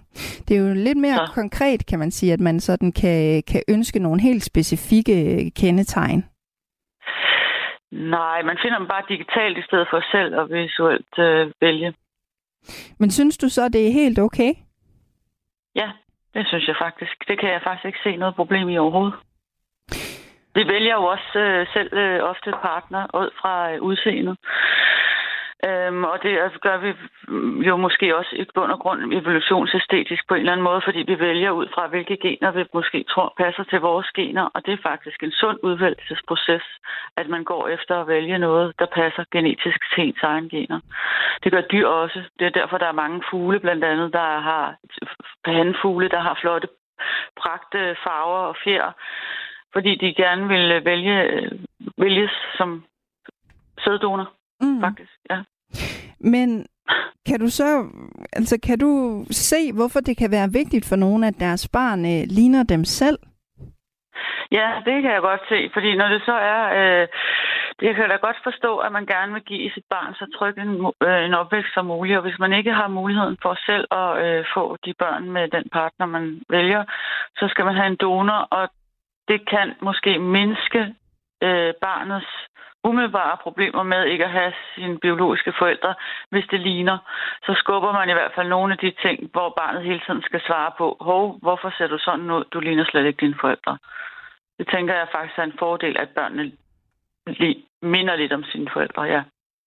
Men den her teknologi, den giver jo også mulighed for, øh, at man kan gå efter en donor med meget smukke trækker, som måske ligner en eller anden kendt skuespiller. Kan der ikke øh, være risiko for, at det giver et mere overfladisk samfund? Nej, det synes jeg ikke. Altså, det kan nok ikke blive mere overfladisk, end det er lige nu i vores samfund. Øh, men lige præcis det der med at vælge øh, en partner, sæddonationen i forhold til, hvilke børn man gerne vil have, så er der ikke noget nyt i at vælge nogle øh, smukke gener. Men jeg tror også, man er jo også klar over, at selvom man vælger en sæddonor, som er, øh, har et bestemt udseende, så er der jo ingen øh, overhovedet garanti for, at det genetisk vil sætte et afsæt på børnene. Man har, kan jo sagtens få øh, nogle børn, der slet ikke ligner sig selv, altså fra for to forældre. Man kan, to øh, smukke forældre, hvis de selv synes det, kan godt få et barn, der ikke ligner dem, og som måske ser øh, ud som noget, de ikke selv vil synes var smukt. To øh, forældre, der, som andre ikke synes er smukke, kan godt få øh, et barn, som andre synes er meget smukke. Så jeg tror ikke genetisk, at vi er der, hvor vi kan styre øh, barnets udseende ud fra at vælge en donor på udseendet. Mm. Det bliver vi nok øh, klogere på nu. Kryers face matching er et gratis donorsøgningsværktøj, som hjælper dig med at finde de donorer, der ligner en bestemt person mest. Du skal bare uploade et billede af den person, som du ønsker, at donoren ligner, og lade face matching værktøjet klarlægge, i hvor høj grad hver donors ansigtstræk matcher ansigtstrækkene hos den person, der fremgår af dit billede. Sådan øh, beskriver verdens største sædbank Kryos International selv deres nye tiltag Face Match. Og så kan jeg sige velkommen til dig, Martin Lassen. Goddag, goddag. Goddag. Du er salgsdirektør ved Kryos International. Hvorfor øh, udbyder I det her face matching? Jamen, vi har et, øh, et ønske om at øh, gøre det så uh, let og korrekt og sikkert for, for alle vores kunder til at vælge den, den donor, som, uh, som de helst vil have. Og nu er den her teknologi øh, med brug af kunstig intelligens, nu er den så god, at vi mener, at, øh, at øh, det er det rigtige tidspunkt at, øh, at tilbyde, øh, tilbyde den. Men nu, nu har jeg kun lige lyttet med det første, eller det sidste minut, men, men hende, I har, har, har inden, siger det jo fuldstændig øh, korrekt, at øh, det her det er kun et, et spørgsmål om at kigge på ansigtstræk og, og se, hvordan passer ansigtstrækken til hinanden. Hvilket barn, der måtte komme ud af det, det er jo ligesom det altid har været de sidste mange tusind år. Det kan vi, det kan vi ikke styre, det er biologi. Mm. Øh, og øh, ja, men kan man ikke sige, at I kan være med til at bidrage til noget overfladisk, når man på den måde sådan kan designe sin donor og måske så sit barn? Vi er ikke interesseret i at, at, at være overfladiske, fordi øh, det at, at vælge at få et barn, det er det, er øh, det modsatte. Vi er interesseret i at tilbyde de, de muligheder, som vi mener, der er rigtige til, at, en, øh, til at vores kunder kan have et, øh, et godt øh, øh, forløb og, og, og få de hjælpemidler, der gør, at de vælger den, den rigtige donor. Ligesom man også ude i verden, når man får barn på traditionel vis også, også vælger øh, en, øh, en partner til. I skriver jo, øh, upload et billede af den person, som du ønsker, at donoren skal ligne. For eksempel dig selv, din partner eller en berømt person. Hvorfor, øh, hvorfor nævner I det her med berømtheder? Det, øh, det, det vil jeg lige tjekke op på, hvor du har læst det helt, helt nøjagtigt. Men det er jo korrekt, at, øh, at øh, man kan uploade et hvilket som helst, øh, hvilket som helst øh, billede. Vi er ikke interesseret i, at man øh, forsøger at, at uploade en, en berømthed, men det kan man, det kan man gøre, hvis det er det, man, øh, det, hvis det er det, man ønsker. Du kan jo uploade, uploade et hvilket som helst billede og se, hvordan den person, du uploader, hvordan de ansigtstræk, som den person har i forhold til, i forhold til donor. Mm. Jeg, jeg er ret sikker på, at det er en, øh, en pressemeddelelse fra, øh, fra Kryos International, men det øh, kan vi da lige tjekke op på. Ja. Øhm, men altså en ting, det er jo det her med, øh, fordi som du siger, man kan jo uploade lige det billede, man har lyst til. Det, det kan I jo ikke være herre over. Og en ting, det er jo det her med at finde en donor, der ligner en selv. Men der er jo, kan du forstå, at nogen vil synes, det var lidt absurd, øh, at, at nogen vælger at finde donorer, der ligner berømtheder? Jeg ved ikke, om jeg synes, det er, det er absurd. Øh, jeg har lidt svært ved at se, hvad, hvad, hvad formålet skulle være. Vi har jo også et tilbud, øh, at øh, en del af vores donorer kan man faktisk komme ind og se øh, voksne, voksenbilleder af dem. Så der kan man sige, der er du jo, der er du jo endnu, endnu tættere på. Så jeg ved ikke, om det er absurd. Det, der er vigtigt for os, det er jo, at, at vores kunder synes, det er en hjælp, og det ikke bliver en, og det ikke bliver at det ikke bliver noget, de, de, de skal bekymre sig om, eller skabe unødvendige øh, spekulationer for dem. Øh, så det er noget af det, vi har diskuteret, inden vi har øh, lanceret det her. Men jeg ved ikke, om jeg vil sige, kalde det, kalde det absurd eller, mm. eller, eller andet. Hvis jeg, hvis jeg uploader et billede, øh, altså uanset om det så er Mads Mikkelsen eller et billede af min kæreste, hvor tæt på vil man så kunne komme?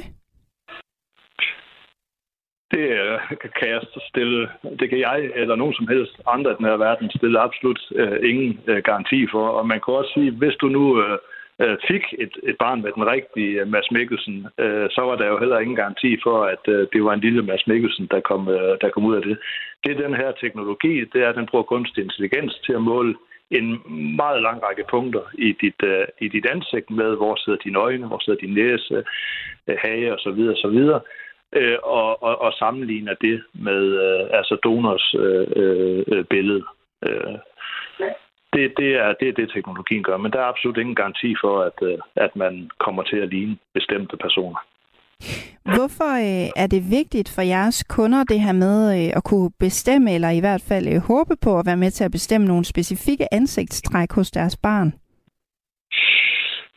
Jamen, det må kunderne jo selv vurdere, om det er, om det er vigtigt. Nu er det i hvert fald øh, et, øh, tilbud, som vi har på samme måde, som man øh, kan gå ind og se donors øjenfarve og hårfarve.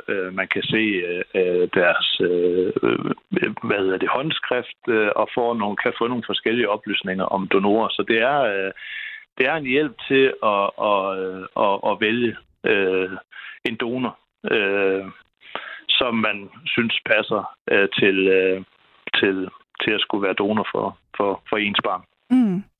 Og øh, lige her øh, til sidst, Martin Lassen, det er bare sådan en lille undrende spørgsmål, øh, jeg har selv.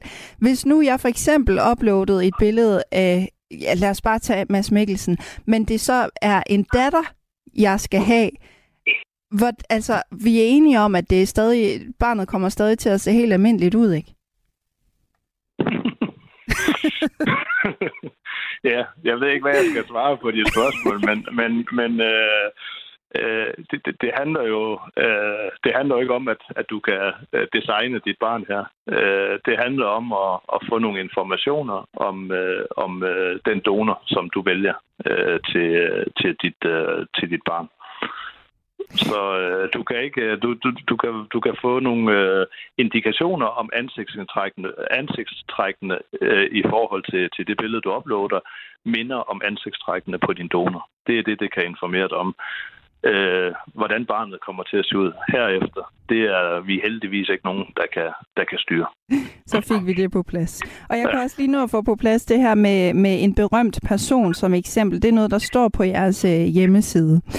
Øh, Martin Lassen, salgsdirektør ved Kryos International. Tak, fordi du var med. Ja, kommersiel direktør, ja. Men uh, selv tak, og I må have en rigtig god dag. I lige måde. Hej. Godt. Hej. Annette, hun har skrevet, er der slet ingen etisk grænse for, hvorvidt vi som samfund vil gå? Kunstig intelligens i mange sammenhænge er den nyeste trussel mod almindelig sund fornuft. Generationer efter os skal åbenbart være smukkere og klogere i indbyrdes strid om overfladisk skønhed. Uha, pas nu på, skriver altså Annette. Radio 4 taler med Danmark. Du lytter til Ring til Radio 4. I dag med Signe Ribergaard Rasmussen. Hvor vi lige nu taler om mulighederne for at designe sin egen babys ansigtstræk, når man skal vælge sæddonor. For verdens største sædbank har nemlig lanceret konceptet face matching, hvor kunstig intelligens hjælper med at finde donorer med lige præcis de ansigtstræk, som forældrene ønsker. Det skriver sædbanken Kryos International i en pressemeddelelse. Ved hjælp af denne her nye teknologi kan man uploade et billede af den person, som man gerne vil have sit barn til at ligne, og så fortæller programmet, hvilken donor, der ligner mest. Du kan altså nu vælge donor ud fra, hvem der ligner dig selv eller din partner mest, eller du kan også vælge donor ud fra, hvem der ligner din yndlingsberømthed eller the one that got away. Der er ingen grænser. Og det vil jeg altså gerne høre din mening om. Er det en positiv udvikling, at man nu nemmere kan designe sin baby ud fra specifikke ansigtstræk, eller bidrager det til et mere overfladisk samfund med fokus på udseende? Du kan være med ved at ringe ind på 72 30 44 44 eller sende en sms på 14 24.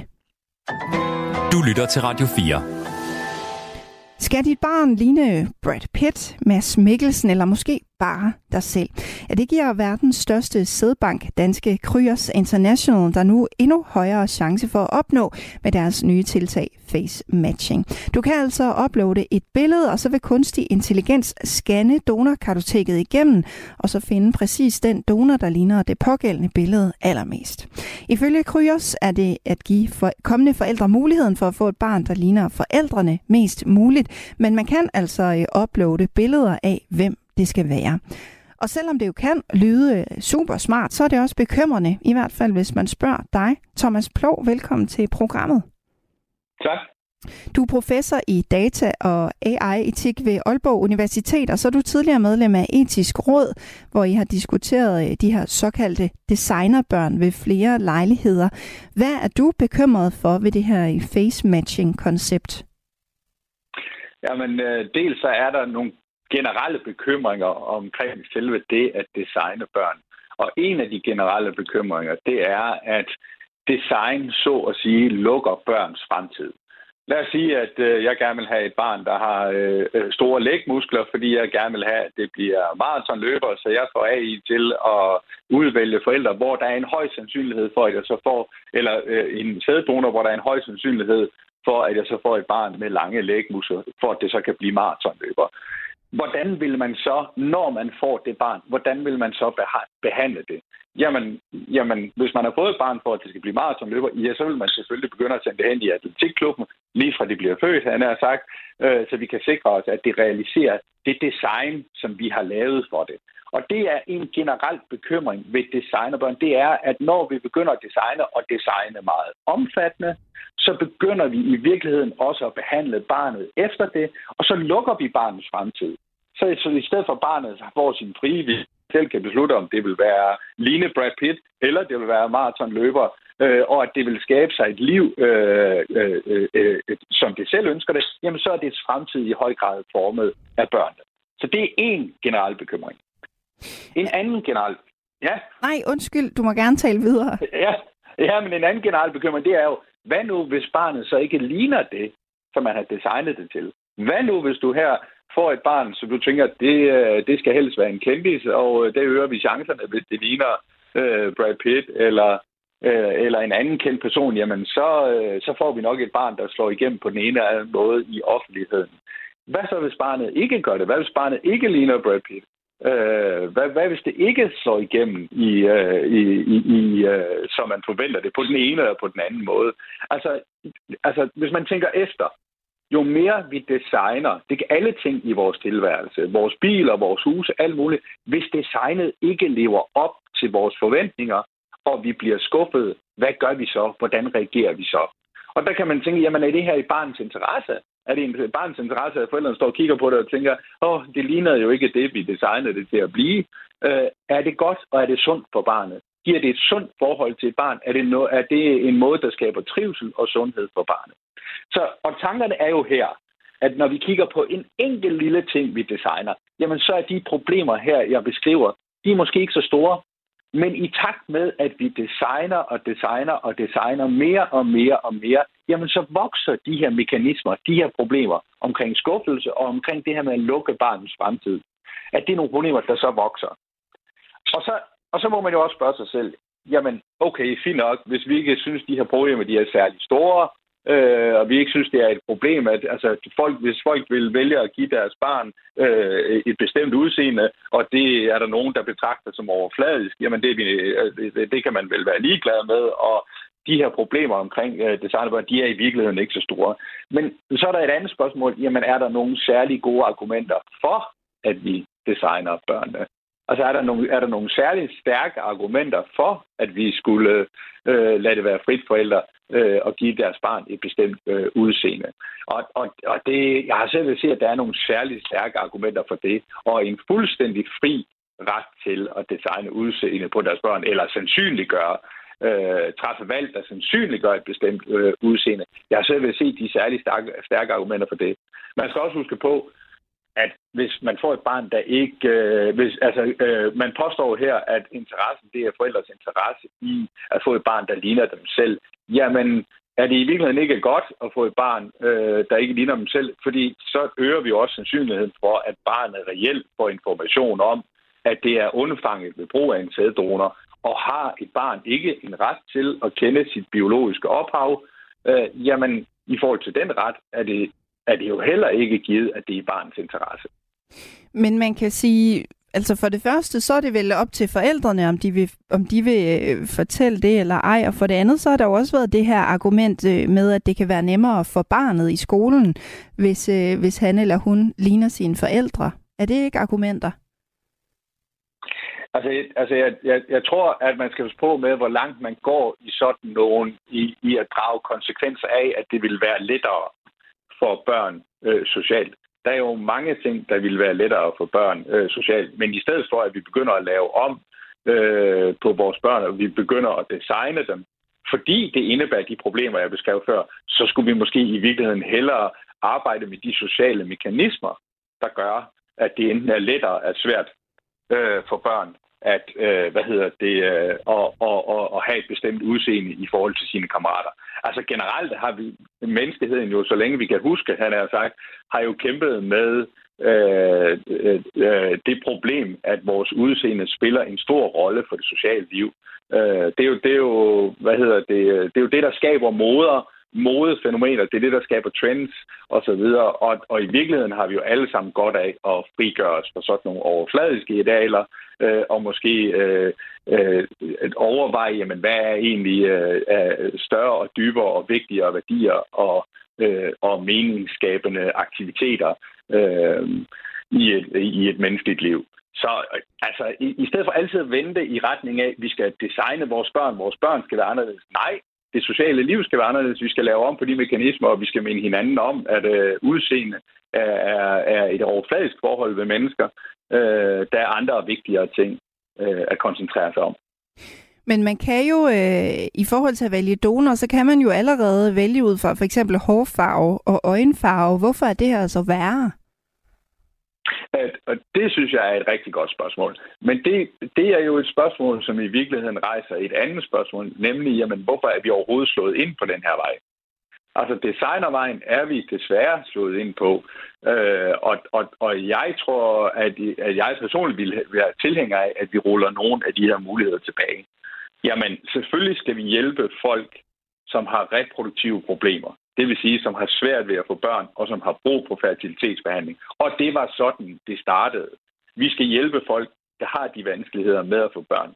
Men så har vi jo set en udvikling, hvor at det her det er, jo, det er jo blevet en industri, øh, og øh, man sælger på tværs af landegrænser, øh, øh, æg og sæd sælges på tværs af landegrænser, øh, og der er fertilitetsturisme over hele verden. Øh, og man går mere og mere i retning af, jamen, hvordan kan vi konkurrere, hvordan kan vi gøre vores produkter mere og mere interessante? Og en af måderne, man kan gøre det interessant på, jamen, det er jo ved at åbne op for, at vi designer mere og mere og mere. Og nu muliggør AI jo, at man netop, øh, øh, hvad hedder det, i højere grad øh, kan, kan finde sammenhænge mellem øh, øh, donorer og, øh, og, og bestemte træk, som for eksempel udseende, øh, og dermed være med til at øge sandsynligheden for, at man får børn med bestemte udseende. Og så tænker man jo, jamen det her det er jo en måde, vi kan øge øh, hvad hedder det, øh, attraktionsværdien af vores produkt, så lad os få det ind på hylderne. Men jeg tror i virkeligheden, at vi som samfund er bedre til med, at man begynder at overveje, jamen skulle vi ikke til at rulle lidt tilbage på de her muligheder for at profilere og designe sine børn. Men er det her så værre, fordi, eller mere bekymrende, fordi der er tale om den her AI-teknologi? Uh, øh, altså, altså, det er klart, at AI her jo muliggør nogle ting. Uh, man kan kigge i store datamængder, og så kan man finde sådan nogle sammenhænge, der, der, der sandsynligt gør, at du får barn med et, med et bestemt udseende. Uh, og det vil jo fremadrettet uh, være med til. Der er ingen tvivl om, at anvendelsen af AI på det her område fremadrettet vil være med til at øge øh, muligheden for øh, at øh, vælge træk til og fra hos sine børn. Øh, men hvad kan man sige? AI er jo her bare midlet for en udvikling og en industri, der allerede er der. Øh, så man kan sige, altså AI her i sig selv øh, forstærker jo bare en udvikling. Øh, øh, øh, den er ikke årsag til et nyt problem. Problemet har, har altid været der. Men kunne man ikke også vende den om, og så, øh, og så se den her øh, face-matching-mulighed som øh, en teknologisk landvinding? Jo, altså hvis det var sådan, at det klart gjorde noget godt for barnet, så, så, øh, så, så, så ville det være en teknologisk anvendelse. Men det er ikke klart for mig, at det gør noget godt for barnet. Det er ikke klart, at det dybest set gør noget godt for forældrene. Og jeg er ikke, det er ikke klart for mig, at det øh, gør noget godt for samfundet.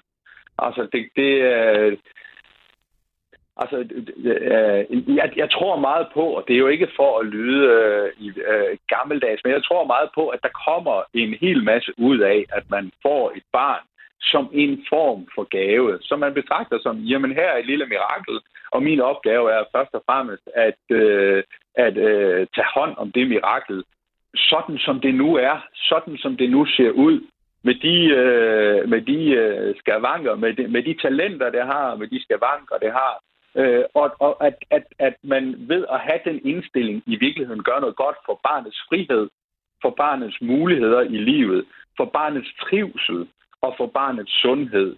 Og at det hele starter allerede der i forbindelse med undfangelsen øh, og, og, i, i, i, og graviditeten osv. At man allerede der indstiller sig på, jamen det her det er en gave, som jeg skal varetage efter bedste evne. Selvfølgelig skal man hjælpe øh, mennesker, som har vanskeligheder ved at få børn. Selvfølgelig skal vi det. Men det er ikke det samme som, at vi i vid udstrækning skal designe børn. Øh, jeg har selv en, øh, en, en lille datter, øh, og hun, hun kan da også godt øh, få nogle skavanker, når hun bliver større, og det kommer jeg ikke til at, øh, at blive sur eller skuffet over. Men jeg synes da, det er lidt hyggeligt, at jeg kan se mig i hende. Er det ikke, øh, er det ikke fair nok at give den mulighed til, øh, til nogen, som måske ellers ikke vil have muligheden? Øh, jo, og man, altså, jo, man kan selvfølgelig man kan overveje, hvor, hvor stærkt det hensyn er. Altså, hvor, hvor, nu, som du selv beskriver det også, det er meget hyggeligt, at hun ligner dig. Ja, men, men er, det, er det grund nok til, at vi fortsætter øh, ud af en designervej? Og, og så vil jeg sige, og, og hvis jeg så anerkender, at du har ret, jamen det kan være et væsentligt hensyn, så er det jo ikke det hensyn, man beskytter øh, med de seneste tiltag. Fordi det giver alle mulighed, øh, mennesker mulighed for, øh, når, de, øh, øh, øh når, når de bruger en, en sæddonor, at vælge et vilkårligt udseende. Altså, så det driver en udvikling i retningen af, at øh, altså, det handler ikke kun om, at de kan vælge et barn, der kommer til at ligne dem selv. De kan ligne et barn, som ligner alle mulige personer efter deres eget ønske. Og så er det jo i virkeligheden, at man, at man jo i virkeligheden åbner op for den her, det her mere øh, endnu et tiltag i retningen af en vidtgående design af sine børn. Altså, så, så selv hvis jeg accepterer dit argument, som, så, så er det jo kun et argument for, at man kan få lov at vælge øh, øh, sæddonorer, som sandsynliggør, øger chancen for, at man får et barn, der ligner øh, forældrene. Det er jo ikke et, et argument for øh, en generel åbning for den mulighed at vælge børns udseende til. Mm. Thomas Plov, tak fordi øh, du var med i programmet. Jamen, det var da min fornøjelse. det var også min. Og øh, fortsat god dag til dig. Ja, i lige måde. Tak. Og Thomas Plov, han er altså øh, professor i data og AI-etik ved Aalborg Universitet og tidligere medlem af Etisk Råd, som altså har diskuteret de her designerbørn ved flere lejligheder. Sofie, du var jo ikke så bekymret før, Sofie, vores første lytter. Øhm, har du fået nogle flere tanker, efter du har hørt øh, Thomas Plov her? Altså, jeg synes, han er helt forkert på den, øh, lige, øh, hele vejen rundt. Altså, men du starter jo så også øh, med at sige til ham, at det, det handler om, det er, at man kan designe sine børns ansigtstræk. Og så kører jeg på det der design. Det er slet ikke det, man kan. Man kan vælge partner, sæddonation, ud fra udseendet. Mm. Og så er Thomas Borg så meget bekymret for børns udvikling i forhold til, hvis man begynder at vælge noget på udseendet. Men tværtimod, så er det jo noget af det, der evolutionsmæssigt har foregået altid biologisk. Dyr vælger ud fra udseendet. Dengang vi var mere menneskelige, end vi er nu, hvor vi er helt på vej ud i noget, der slet ikke er biologisk betinget, der valgte vi også ud fra udseendet. Og det, at man vælger ud fra udseendet, det er faktisk noget, der øger den genetiske reproduktion i, i hen ad en sund retning, biologisk set. At vi vælger ud fra alt muligt andet, for eksempel når vi så vælger en partner, som vi faktisk ikke kan få børn med, fordi vi genetisk ikke matcher hinanden, så går vi til en sædbank og får do, en donation, som måske ikke engang heller matcher vores gener, men hvor embryonet bliver presset i udvikling. Altså, man presser et foster frem, som ikke var overlevet øh, biologisk set i naturen. Det synes jeg måske er meget mere problematisk. Men Thomas Plov synes jo, at alle har ret til at få børn. Vi skal bare ikke vælge biologisk, øh, æstetisk, ligesom naturligt, den naturlige udvælgelse altid har foregået. Det synes jeg er så uetisk faktisk. Hvorfor er det uetisk? Det er uetisk, fordi vi, vi giver vores, øh, altså vores genetiske pulje, den ødelægger vi faktisk på den måde, når vi ikke længere må udvælge biologisk øh, naturligt en partner. Og så synes jeg, det der, det der også er meget problematisk her, det er, i den her debat, hvor vi snakker om at designe børns til ansigtstræk, ansigtstræk, hvilket det jo slet ikke handler om. Det handler om at vælge partner ud fra udseendet. Så er der også sådan ligesom en uudtalt præmis om, at vi alle sammen mener, at det samme er skønt. Det gør vi faktisk ikke. Jeg vil ikke vælge den samme partner, som du vil vælge. Vi synes alt muligt forskelligt er, for, er, er smukt. Og det er jo det, vi skal tilbage til der, hvor det går galt, det er jo selvfølgelig, når medierne tror, at der er noget, der altid er det rette, og når sådan nogle, øh, øh, hvad hedder det, skønhedsklinikker får lov til at reklamere med, at man skal se ud på en bestemt måde, så begynder folk at tro, at man skal se ud på en bestemt måde. Eller når etisk råd går ind og siger, at det er okay at skifte køn, så tror unge mennesker også, at jeg er forkert, fordi jeg er en mand, og jeg burde måske føle mig som en kvinde eller noget. Vi skal tilbage til, at det er okay, man har det, som man har det alle sammen. Vi har alle sammen forskellige udseende. Det er okay. Vi synes noget forskelligt er smukt. Vi må gerne vælge efter udseende. Det er en helt normal biologisk betingelse. En, en sund, det er en sund social egenskab at kigge på hinandens udseende. Men ja, det er jo en, det er jo en biologisk øh, proces, hvis man kan få, Ja, øh, få børn uden at, skulle, de uden at skulle have han- hjælp til det. Men det er jo ikke tilfældet her. Ja, og, nej, nej, det er ikke tilfældet her. Og nu, nu, nu, nu snakker vi så om at kunne udvælge du, sæddonationen, altså den partner, man skal have barn med, som man så ikke skal ses med, ud fra udseendet. Det er også fuldstændig normalt biologisk at gøre. Det, der, hvor det går galt for Thomas Blå, det er jo, han tror, at det handler om at vælge barnets udseende. Det gør det ikke. Han tror også, at vi alle sammen Hvorfor vil gå efter det den det? samme udseendemæssigt. Fordi der er ingen garanti for, at det barn kommer til at ligne hverken dig eller mig i, i en partnerrelation. Nej, nej, Det men er det er, jo, mix. det, er jo det, man, det er jo ligesom det, man slår det op på, at det er, det er en mulighed, Nej, at man det kan er prøve. det jo så ikke. Det sagde ham fra Kryer jo også, at det ville han godt lige øh, vende tilbage til. Ja, det var fordi, det han, om. han var i tvivl om, de havde skrevet, at man kunne gøre det med, at det var en idé at gøre det med berømtheder. Og det havde de så skrevet. Nå, okay, det var det, ja. Ja. Men vi kan ikke vælge vores børns udseende. Det kan vi altså ikke. Og vi kan heller ikke, nu snakker så Thomas Blå om det der med, om vi kan vælge en eller anden form for fysisk øh, fordel, som vi godt kunne tænke os, vores barn skulle have. Altså for eksempel lange læge. Det samme gør sig jo gældende nu, hvis man så får et barn med lange læge, som så åbenbart er en god idé, hvis man skal kunne løbe. Så kan man jo også som forældre vælge, okay, er det noget, vi skal dyrke? Skal vi skabe, skabe muligheder for, at det her barn kan blive atlet, eller skal vi lade være? Min datter, hun kunne godt tænke sig at blive balletdanser. Det er noget, man skal sætte hårdt ind for, når man, fra man er fem år. Det mente jeg ikke var en fordel for mit barn at udvikle sig på den måde.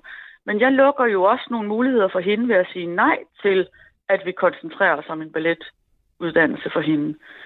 Så på den måde vælger man jo altid som forældre, det her barn har et potentiale. Hvad, hvilken retning vil jeg støtte det i? Vil jeg støtte det i at have en åben holdning til alting? Så skal jeg fra, at det kan blive specialiseret. Eller vil jeg støtte det i at blive specialiseret ud fra det potentiale, barnet har? Så skal jeg fra, at det kan vælge frit på alle hylder. Sådan har det jo altid været. Jeg vil lige vende tilbage til, til det her, du siger, fordi du siger, at- det er ikke barnets udseende, man kan vælge. Det er jo rigtigt, at man bliver, ikke, man bliver ikke garanteret, hvordan ens barn kommer til at se ud, men hele ideen er jo, øh, at man får en donor, som lægger sig så tæt som muligt op ad det resultat, man håber på at få. Ja, det tror jeg er en genetisk øh, fordel i forhold til den biologiske øh, positive udfald. Altså, at man får, vil måske have mulighed for at få et sundere barn, fordi man selv vælger udseendet fra ens sæddonor. Fordi det er en, øh, en af de udvælgelsesprocesser, vi biologisk er stillet til rådighed. Nils fra øh, Humlebæk på 73 år, velkommen til dig. Jamen, tak skal du have. Hvad, hvad mener du? Hvad, altså, er det, er det okay, at man, øh, at man i så høj en detaljegrad kan vælge, eller i hvert fald forsøge at vælge, hvordan ens barn skal se ud?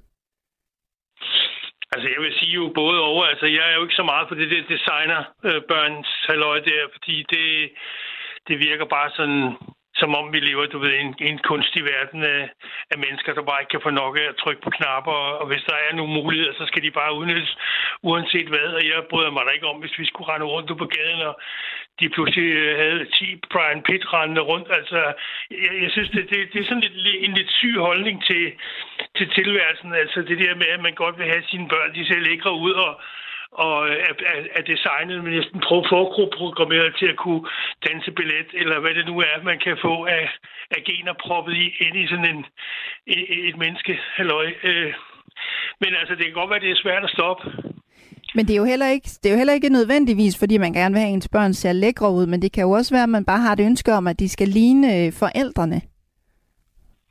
Ja, ja, men jeg mener bare, at mennesker er noget, noget helt unikt. Altså, de der små celler, der deler sig og bliver til et menneske. Jeg synes, og, og de fleste af os, der kommer til verden, øh, hvis man er heldig, så finder man jo ud af, at man har nogle, nogle, nogle, nogle gaver med, som øh, man selvfølgelig så skal bruge, øh, uanset om det er så at leve stærkt, eller danse ballet, eller spille musik, eller synge, eller hvad det nu er, så er det jo en, en, en gave, man har fået med, som man så kan, kan bruge, øh, kan man sige, sådan så, så man får lidt fornøjelse af sin, øh, sin tilværelse. Det, og det mener jeg, at alle er begunstiget af, hvis de bare lukker øjne og ører op og prøver på at, at lede efter dem. Men der har, jo, øh, der har jo længe været den her mulighed med, at man for eksempel kan vælge donor efter øh, øjenfarve eller etnicitet. Er det så også for meget? Nej, altså jeg vil bare sige, at vi lever i en verden, hvor det pludselig er blevet en mulighed. Altså det er noget, vi taler om, og det er, no- det er noget, man kan få, hvis man ønsker det. Altså, og øh, i dag får man jo børn af mange forskellige grunde. Altså der er jo også folk, der er lesbiske og alene, og jeg ved ikke hvad, som får børn, som er, er donorbørn og så videre. Så, så, så det, det, det snakkede man jo slet ikke om for, for 30 eller 40 eller 50 år siden. Så det er jo, det er jo noget, der ligesom er kommet på hylden, man kan, øh, man kan vælge. Og det er jo klart, at øh, nogen vil selvfølgelig sige, Nå jo, men altså, når jeg møder nogen ude på vejen og forelsker mig i dem, så forelsker jeg mig måske også i et udseende eller nogle, nogle gaver eller whatever, øh, den person har med. Øh, og og, og det, er jo, det er jo noget, som man så avler øh, videre på, hvis det er sådan, man bliver gift og får, får børn med, med den person. Så, så vi vælger jo alligevel ud fra en eller anden øh, whatever, et eller andet, men, øh, men, men, men, øh, men altså at gøre sig til herre over, hvordan man skal skrue det sammen, det, det, det tror jeg bare bliver svært øh, øh, og ligesom at komme med en, en endelig løsning på. Niels, tak fordi du var med. Ja, velbekomme. Ha' en god dag. I lige måde. Og det er altså rigtigt, hvad, hvad Niels siger. Det er primært tre grupper af mennesker, der bruger donorsæd øh, til at få det her ønske om et barn til at gå i opfyldelse. Det er heteroseksuelle par, som har fertilitetsproblemer, så er det lesbiske par, og så er det et stigende antal single kvinder, som vælger at starte en øh, familie uden en partner. Sofie Marie Høgh Henriksen, jeg vil sige øh, tak til dig, fordi du var med i Ring til Radio 4 i dag. Ja, selv tak. Det er sjovt at være med. det er jeg glad for. Det har også været en fornøjelse. Og øh, der er også kommet en øh, masse gode sms'er. Blandt andet så skriver Lars Massen, når barnet ikke ligner det, man har bestilt, så smider man bare barnet ud, eller fortæller barnet, du er ikke smuk, som vi bestilte. Hold nu kæft. Der er også en, som skriver, at overfladisk samfund med vægt på udseende, det har vi allerede. Flere og flere får lavet kosmetiske ting. Kenneth fra Amager, han skriver, folk, der selv vil designe deres børn, burde måske starte med en hund. Og så skriver Per, problemet med designudseende børn er, at der kan gå mode i det, så mange børn ligner en berømt. Man kan se ved mange racehunde og andre dyr, at der er avlet efter udseende og ikke efter gener og egenskaber, og derfor har nogle dyr helbredsfejl. På den anden side af nyhederne lige om lidt, der kan du lytte til Det Røde Hjørne, programmet øh, om og med partierne på venstrefløjen, der pludselig er i opposition til den statsminister, som de har holdt hånden under gennem øh, hele forrige regeringsperiode. Men først er det altså tid til nyhederne med Thomas Sand. Du har lyttet til en podcast fra Radio 4. Find flere episoder i vores app, eller der, hvor du lytter til podcast. Radio 4 taler med Danmark.